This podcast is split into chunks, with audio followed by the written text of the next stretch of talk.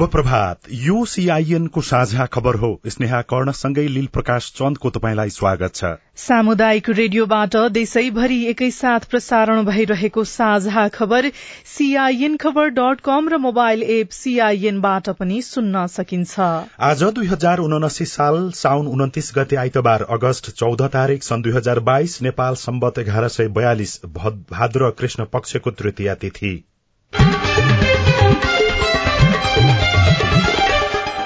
हजुरको रेडियो रामेछाप आजबाट चौधौं वर्ष प्रवेश गरेको अवसरमा उत्तरोत्तर प्रगतिको शुभकामना व्यक्त गर्दै साझा खबरमा प्रमुख खबरका शीर्षकहरू। चुनाव केन्द्रित गठबन्धन बनाउन दलहरू बहुपक्षीय छलफलमा माओवादी केन्द्र र नेपाल समाजवादी सहमति नजिक एमाले राप्रपासँगको छलफलमा संघीयता कार्यान्वयनमा नीतिगत तथा कानूनी असहजता प्रहरी समायोजनको माग गर्दै मध्य प्रदेशका गृहमन्त्री अनसनमा बस्दै नागरिकता विधेयक अझै प्रमाणीकरण भएन।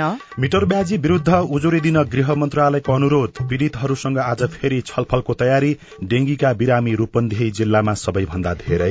अमेरिकी पूर्व राष्ट्रपति ट्रम्पको घरबाट महत्वपूर्ण सूचना सहितका फाइलहरू नियन्त्रणमा दश दिनको अवधिमा चीनले तेह्र मिसाइल आक्रमण गरेको ताइवानको दावी।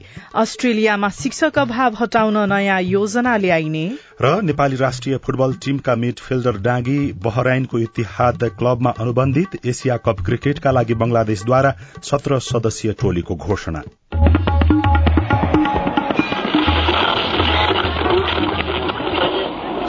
रेडियो।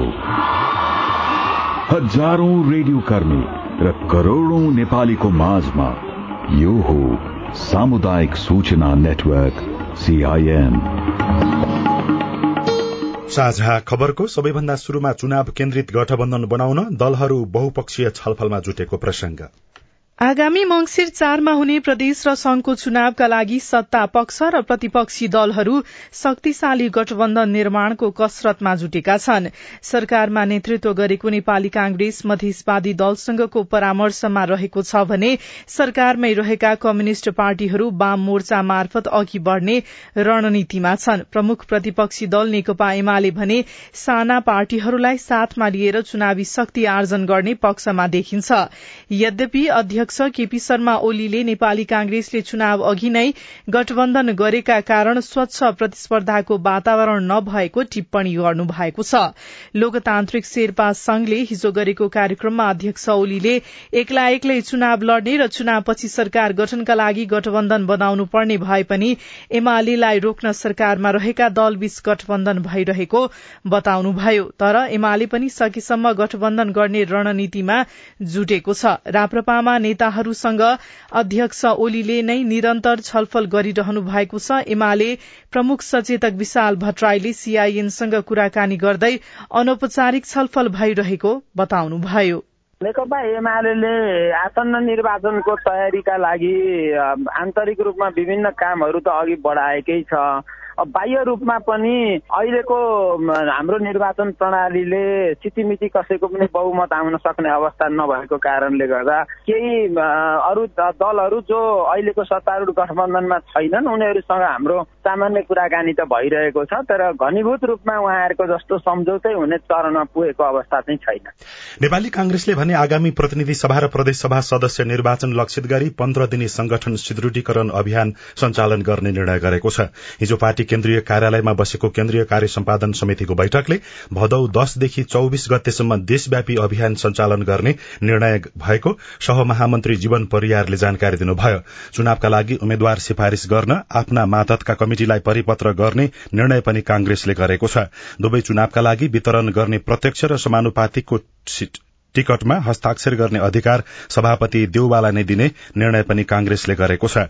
कांग्रेसको शेखर कोइराला समूहले भने प्रदेश र संघीय चुनावदेखि नियुक्तिहरूमा चालिस प्रतिशत नै भाग माग्ने निर्णय गरेको छ। सभापति देउवाले पार्टीमा न्यायोचित व्यवहार नगरेको भन्दै शेखर समूहले हिजो काठमाण्डुमा बसेको बैठक मार्फत यस्तो निर्णय गरेको नेता गुरूराज घिमिरेले सीआईएनसँग बताउनुभयो। पार्टी नेतृत्वले चाहिँ आफूलाई बदल्ने चाहिने कुनै छाँटकाँट देखाएन। अहिलेसम्म भएका दर्जनौ नियुक्तिहरूमा दर्जनौ निर्णयहरूमा चाहिँ आफ्नो प्रतिस्पर्धी समूहलाई सामेलै गराइएन। प्रतिस्पर्धी समूहको अस्तित्वलाई चाहिँ स्वीकारै गरिएन। एक प्रकारले स्व अस्तित्वको जुन प्रजातन्त्रको मूलभूत मान्यता हो त्यसलाई चाहिँ आत्मसात गर्ने प्रयत्न नै भएन। सबै विषयमा पार्टी नेतृत्वलाई चाहिँ दबाब दिन झकझक्याउनका निम्ति चाहिँ बैठक हामीले गरे हो। हाम्रो चाहिँ यो शालीनतालाई चाहिँ नै कमजोरी ठान्नुभयो पार्टी सभापतिजीले। त्यसो भएको हुनाले अब हामीले महाधिवेशनमा प्राप्त गरेको चालिस प्रतिशत प्लस सिट चाहिँ हामीलाई चाहियो। संसदीय निर्वाचनमा पनि चाहियो पार्टीभित्रका आन्तरिक निर्णयहरूमा पनि चाहियो। पार्टीको केन्द्रीय समितिमा पनि चाहियो भातृ संस्थाहरूमा पनि चाहियो।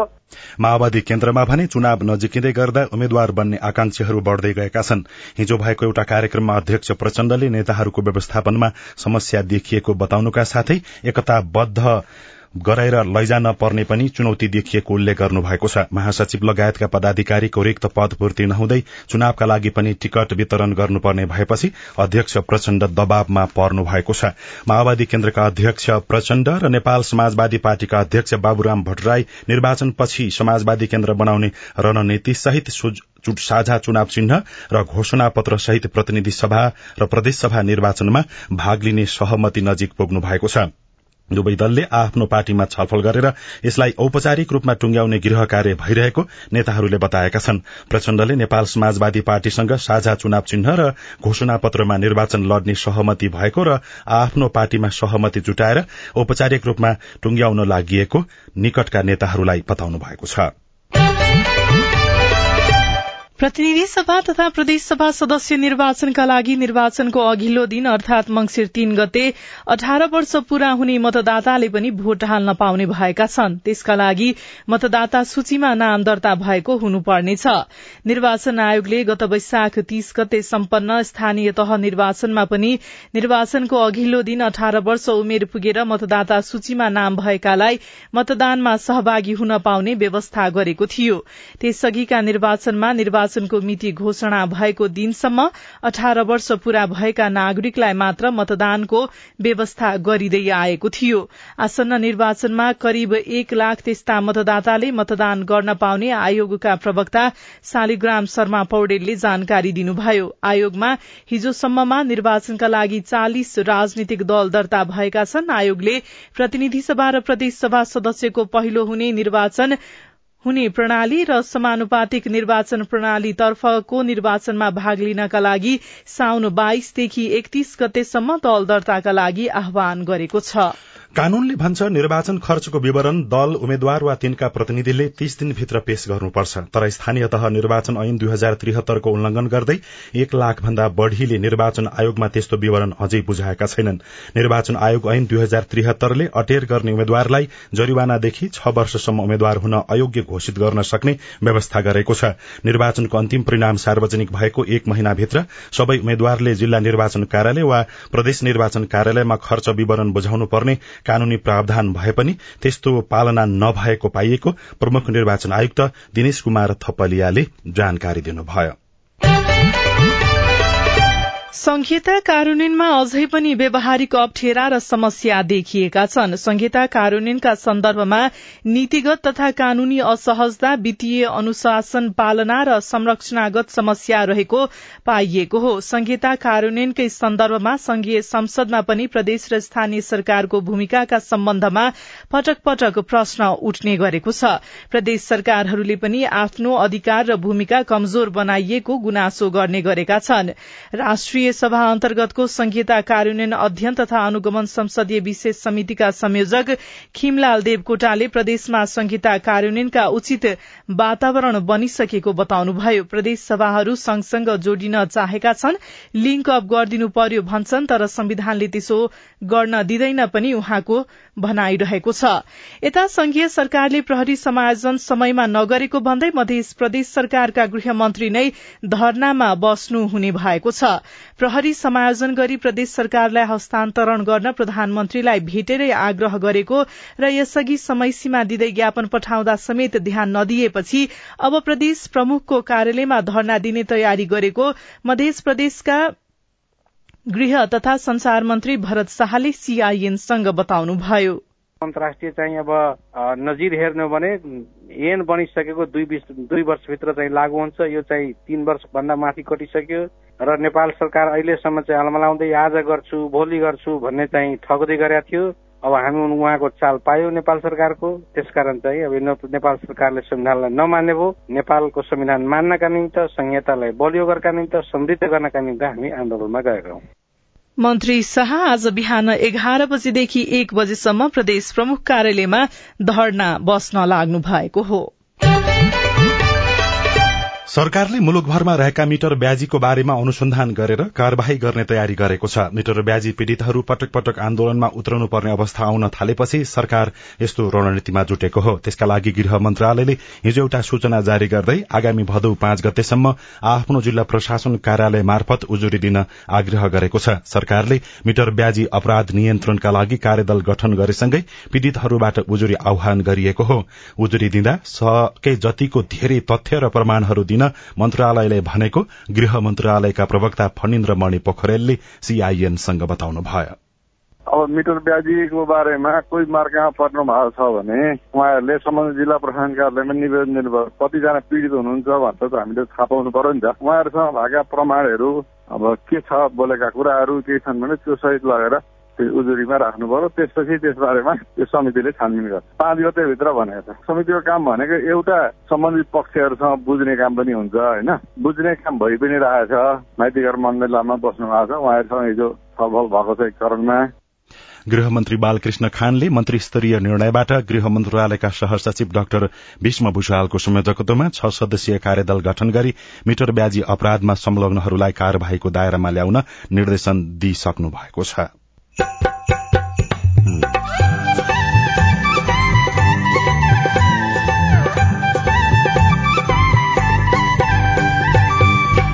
सामुदायिक सूचना नेटवर्क सीआईएन मार्फत देशभरि प्रसारण भइरहेको साझा खबरमा नेपाल आउने पर्यटकले खर्च गर्दा हुने फाइदा। उनीहरूलाई हामीले पचास डलर प्रतिदिन मात्र गर्ने हो भने हाम्रो देशले चाहिँ धेरै विकास गर्नेछ। नागरिकता विधेयक अझै प्रमाणीकरण भएन। डेंगीका बिरामी रूपन्देही जिल्लामा सबैभन्दा धेरै लगायतका खबर बाँकी नै छन्। सीआईएनको साझा खबर सुन्दै गर्नुहोला। मम्मी खाजा? मम्मी मेरो होमवर्क गर्ने कापी। बुहारी एकदम खुट्टा दुख्यो। बुहारी चिया खान मन लागेको थियो। बुढी कपडा मैलो भएछ। अरे मेरो परिवार भर्खरै सुनेको संवाद तपाईँलाई कस्तो लाग्यो? यही संवादलाई फेरि एकपटक यसरी सुनौ न है। मम्मी खाजा आज म बनाउँछु। मिठो बनाउँछु है। मम्मी मेरो होमवर्क गर्ने कापी मैले खोजिसके। अब म होमवर्क गर्छु। बुहारी एकदम खुट्टा दुख्यो। छोराले तेल तताएर लगाइदिएपछि अलि आराम भयो। बुहारी चिया खान मन लागेको थियो। सबैको लागि बनाएको छु। आऊ सबैजना खान। बुढी कपडा मैलो भएछ। घर नि कस्तो फोहोर। कपडा धोएर भ्याए। अब घर सफा गर्छु। कोरोनाको महामारीबाट बस्न पनि त सरसफाई जरुरी छ नि। आहा मेरो परिवार। तपाईँलाई दोस्रो संवाद कस्तो लाग्यो? पक्कै राम्रो लाग्यो। हो तपाईँ हामी बीच जिम्मेवारी बोध भयो भने एक अर्का बीचको निकटतालाई अझ राम्रो बनाउन सकिन्छ। बाढी चोडी जिम्मेवारी परिवारमा समझदारी। महिला बालबालिका तथा ज्येष्ठ नागरिक मन्त्रालय युएन वुमन ल्याक र अकुराबको सहकार्य।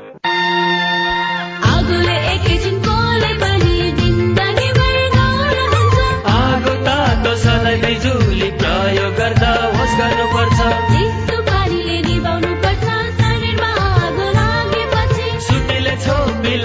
पर्छ बिरामीलाई स्वास्थ्य चौकी।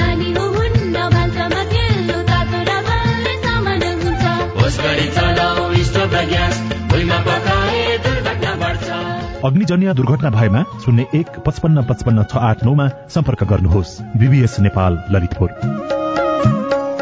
सामाजिक रूपान्तरणका लागि यो हो सामुदायिक सूचना नेटवर्क सीआईएन तपाईँ अहिले देशभरिका सामुदायिक radio CIN Khabar dot com र मोबाइल एप सीआईएनबाट एकैसाथ साझा खबर सुन्दै हुनुहुन्छ।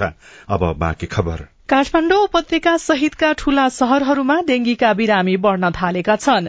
मौसम अनियमित हुँदा डेंगीका बिरामी बढ़ेको र यो बढ़दो क्रममा रहेको स्वास्थ्य तथा जनसंख्या मन्त्रालयका सहप्रवक्ता डाक्टर समीर कुमार अधिकारीले सीआईएनसँग बताउनुभयो डेंगीबाट जोगिनका लागि घर वरिपरिको वातावरण सफा राख्न र लामखुट्टेको टोकाईबाट जोगिन पनि उहाँले आग्रह गर्नुभयो।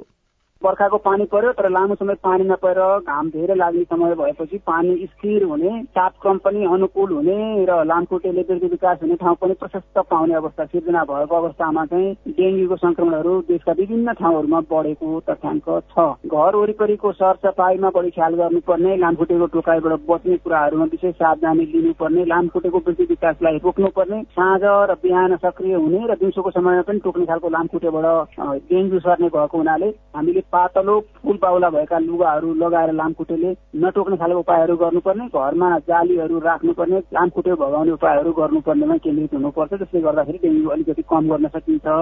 स्वास्थ्य सेवा विभाग अन्तर्गतको इपिडिमियोलोजी तथा रोग नियन्त्रण महाशाखाको पछिल्लो विवरण अनुसार रूपन्देही जिल्लामा सबैभन्दा धेरै डेंगीका बिरामी भेटिएका छन्। रूपन्देहीमा चालिसजना भन्दा बढ़ीमा डेंगी संक्रमण देखिएको छ भने काठमाण्डुमा बीसजना भन्दा धेरैमा डेंगीको संक्रमण पुष्टि भएको छ। सिन्धुली नवलपरासी संखुवासभा गुल्मी ललितपुर पाल्पा मकवानपुर अर्घाखाँची लगायतका जिल्लामा पनि डेंगीका बिरामी भेटिएको महाशाखाले जनाएको छ। भोलि बिहानसम्म नै देशका थोरै ठाउँमा भारी र धेरै ठाउँमा हल्कादेखि मध्यम वर्षा हुने मौसमविदले पूर्वानुमान गरेका छन्। न्यूनचापीय क्षेत्रको प्रभावले हिजो दिउँसोदेखि नै धेरै ठाउँमा पानी पर्न थालेको र यो क्रम बढ़ने महाशाखाका मौसमविद हिरा भट्टराईले सीआईएनसँग बताउनुभयो। यही प्रणालीको प्रभावले धेरै ठाउँमा पानी पर्ने भएकाले बाढ़ी पहिरोको जोखिम पनि बढ़ने उहाँको भनाइ छ। भोलि सोमबारदेखि भने ठूलो पानी पर्ने क्रम कम हुँदै जाने पनि उहाँले बताउनुभयो। अब आज काठमाण्डुबाट प्रकाशित पत्र पत्रिकाको खबर गोर्खा पत्रको भित्री पृष्ठमा जलविद्युतमा बढ़्यो चासो शीर्षकमा खबर लेखिएको छ। पछिल्लो समय जलविद्युत आयोजना निर्माणका लागि निजी क्षेत्रको चासो बढ़ेको छ। वित्तीय क्षेत्रमा तरलता अभाव र विदेशी मुद्रा संस्थिति दबावमा परेको भए पनि लगानीकर्ता नयाँ आयोजना बनाउन अध्ययन सम्पन्न गरी निर्माण अनुमति लिन विद्युत विकास विभागमा आवेदन दिने क्रम बढ़ेको छ। विभागमा दुई हजार देखि परेका एकसठी यस्ता आवेदनको सूची छ तर दुई हजार उनासी पछि मात्रै चौविस ठूला साना आयोजना निर्माणका लागि अनुमति माग गरिएको छ।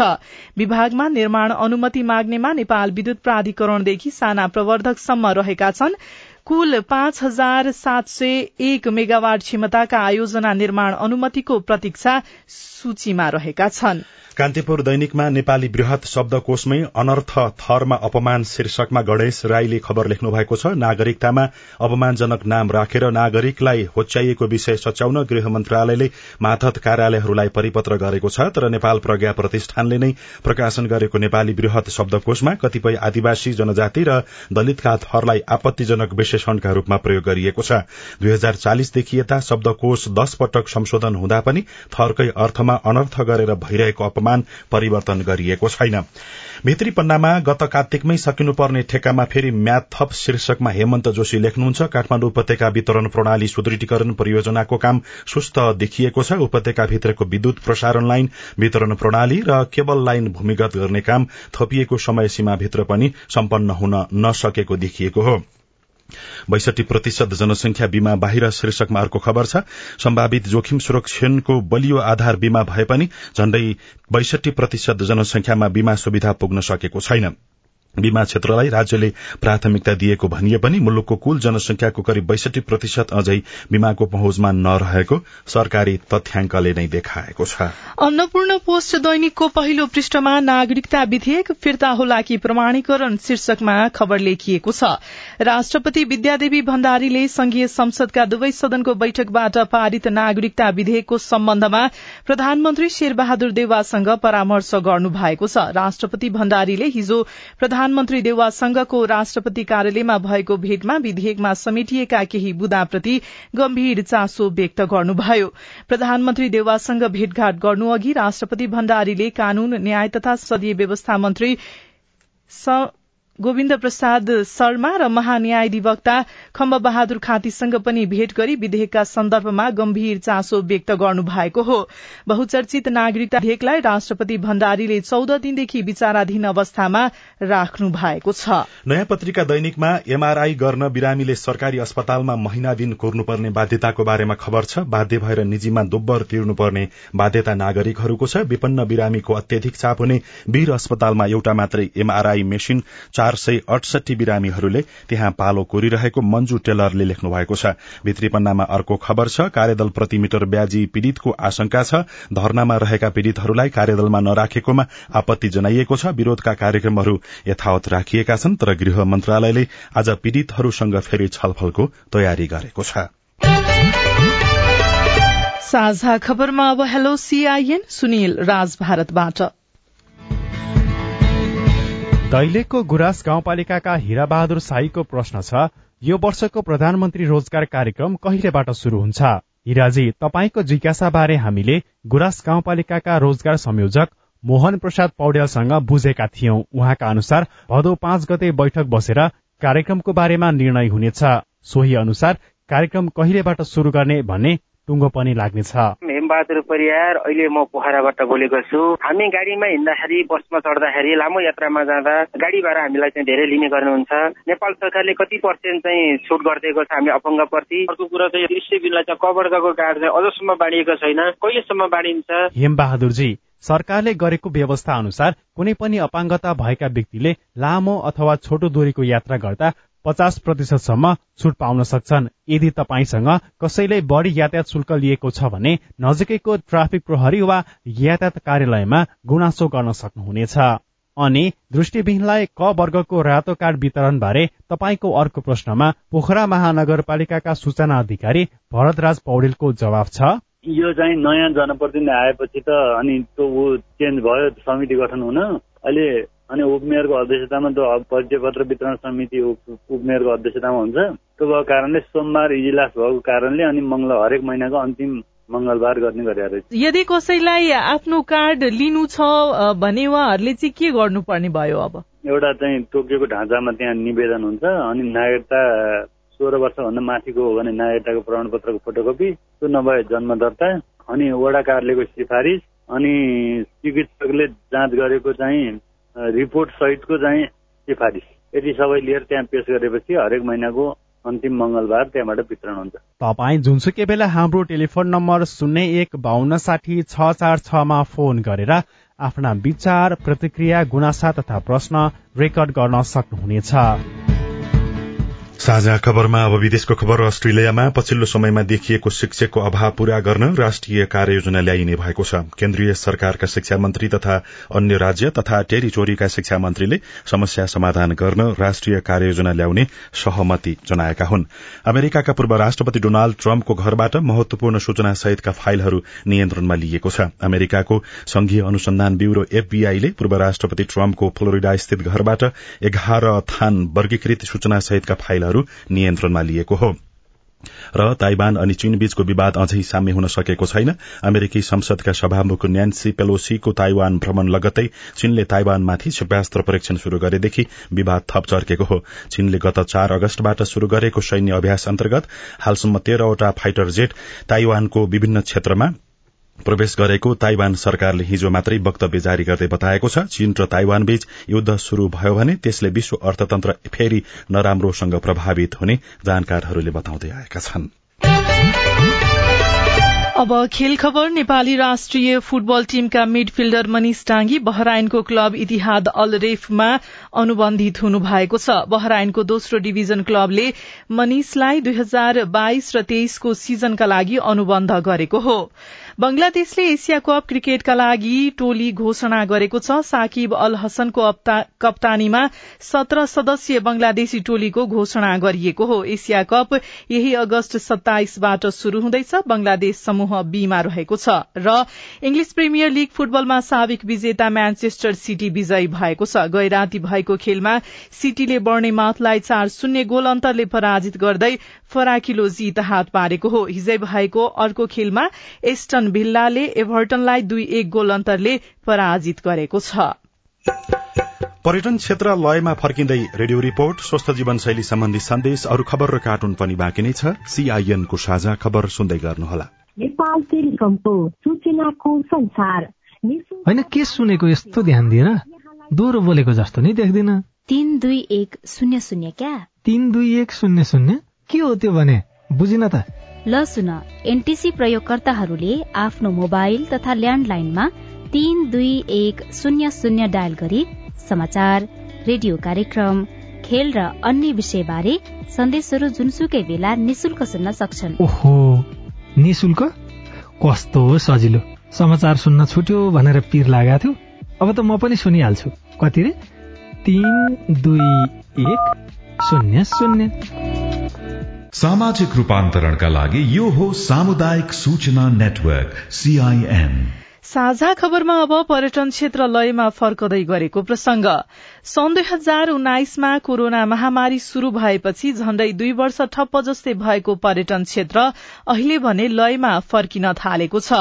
तीन वर्ष अघि अन्ठाउन्न हजार आठ सय एघार जना पर्यटक नेपाल भित्रिएकोमा गत महिना मात्रै चौवालिस हजार चार सय बैसठी जना नेपाल आएका पर्यटन बोर्डको तथ्याङ्कले देखाएको छ। नेपालभित्र नै पर्यटकको संख्या बढ़न थालेपछि व्यवसायी पनि खुशी भएका छन्।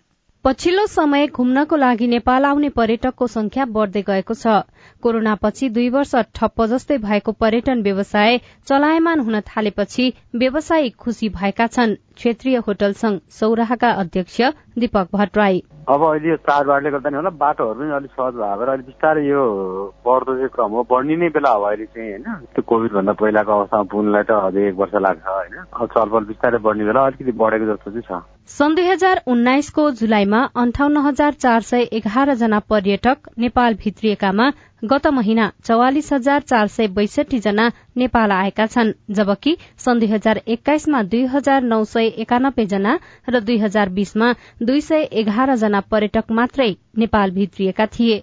नेपाल पर्यटन बोर्डका सहप्रवक्ता मणिराज लामिछाने। कतिपय ठाउँहरूमा चाहिँ आजकल त्यो ठाउँ गन्तव्यसम्म गएर अलिक मेहनत गरेर जाने भन्दा पनि एक्सपिरियन्स अनुभव लिने खालको चाहिँ ट्राभल ट्रेन्ड बढेको छ। यसरी आउने बाह्य पर्यटकमा भारतीय धेरै छन् त्यसपछि बंगलादेश चीन फ्रान्स लगायतका देशका नागरिक पनि घुम्ने गरी नेपाल आइरहेका छन्। उनीहरूलाई सहुलियत प्रदान गर्न सकेको खण्डमा घुम्न आउने विदेशीको संख्या बढ़ने व्यवसायी बताउँछन्। ललितपुरका बालसुदन राज भण्डारी। उनीहरूलाई हामीले पचास डलर प्रतिदिन मात्र गर्ने हो भने हाम्रो देशले चाहिँ धेरै विकास गर्नेछ होइन? किनभने नेपालमा चाहिँ कस्तो पर्यटक गरेर आएको देखेँ भने दिनमा चाहिँ पन्ध्र डलर मात्र खर्च गर्ने खालको मैले देखेँ। पाँच डलर चाहिँ रुमको लागि अनि अर्को चाहिँ दस डलरमा चाहिँ उसले अनेक प्रकारको खाना खाने गरेको छ। पर्यटन बोर्डका अनुसार बाह्य पर्यटकहरू कम्तीमा तीन दिन र बढ़ीमा एक सय दिनसम्म घुम्ने गरी आउने गरेका छन्। उनीहरूले दैनिक झण्डै छ हजारदेखि तीन लाख एकासी हजार रूपियाँसम्म खर्च गर्ने गरेको तथ्याङ्क छ। उनीहरूलाई गर्ने स्वागत सत्कार सरसफाई खाना बस्नको गुणस्तरीयता लगायतमा ध्यान दिन सके पर्यटक बढ़ने तथा फेरि आउने भएकाले सरकारले नै यस्तो वातावरण बनाउन ध्यान दिनुपर्ने होटल संघ नेपालका वरिष्ठ उपाध्यक्ष विनायक शाहको भनाइ छ। कार्यक्रम घोषणा मात्रै छ अहिलेसम्म। त्यसलाई एकदम इफेक्टिभली हामीले अगाडि बढाउन सक्नु त्यो भने अब आउने अक्टोबर नोभेम्बरदेखि चाहिँ हामी केही पर्यटक अझ योभन्दा थप पर्यटक ल्याउन सक्छौ। तथ्याङ्क अनुसार गत पुस सत्र गते यताको सात महिनामा दुई लाख पचासी हजार विदेशी नेपाल घुम्न आएका छन्। बाह्य पर्यटकहरू बढ़दै गर्दा व्यवसायी मात्रै खुशी भएका छैनन्। दबावमा रहेको देशको आर्थिक अवस्था सुधार हुने अपेक्षा पनि बढ़ेको छ। सजना तिमल सिन्हा सीआईएन काठमाडौँ। रिपोर्टसँगै हामी साझा खबरको अन्त्यमा आइपुगेका छौं। सामुदायिक रेडियो प्रसारक संघद्वारा संचालित सीआईएनको बिहान छ बजेको साझा खबर सक्नु अघि मुख्य मुख्य खबर फेरि एकपटक। चुनाव केन्द्रित गठबन्धन बनाउन दलहरू बहुपक्षीय छलफलमा माओवादी केन्द्र र नेपाल समाजवादी सहमति नजिक।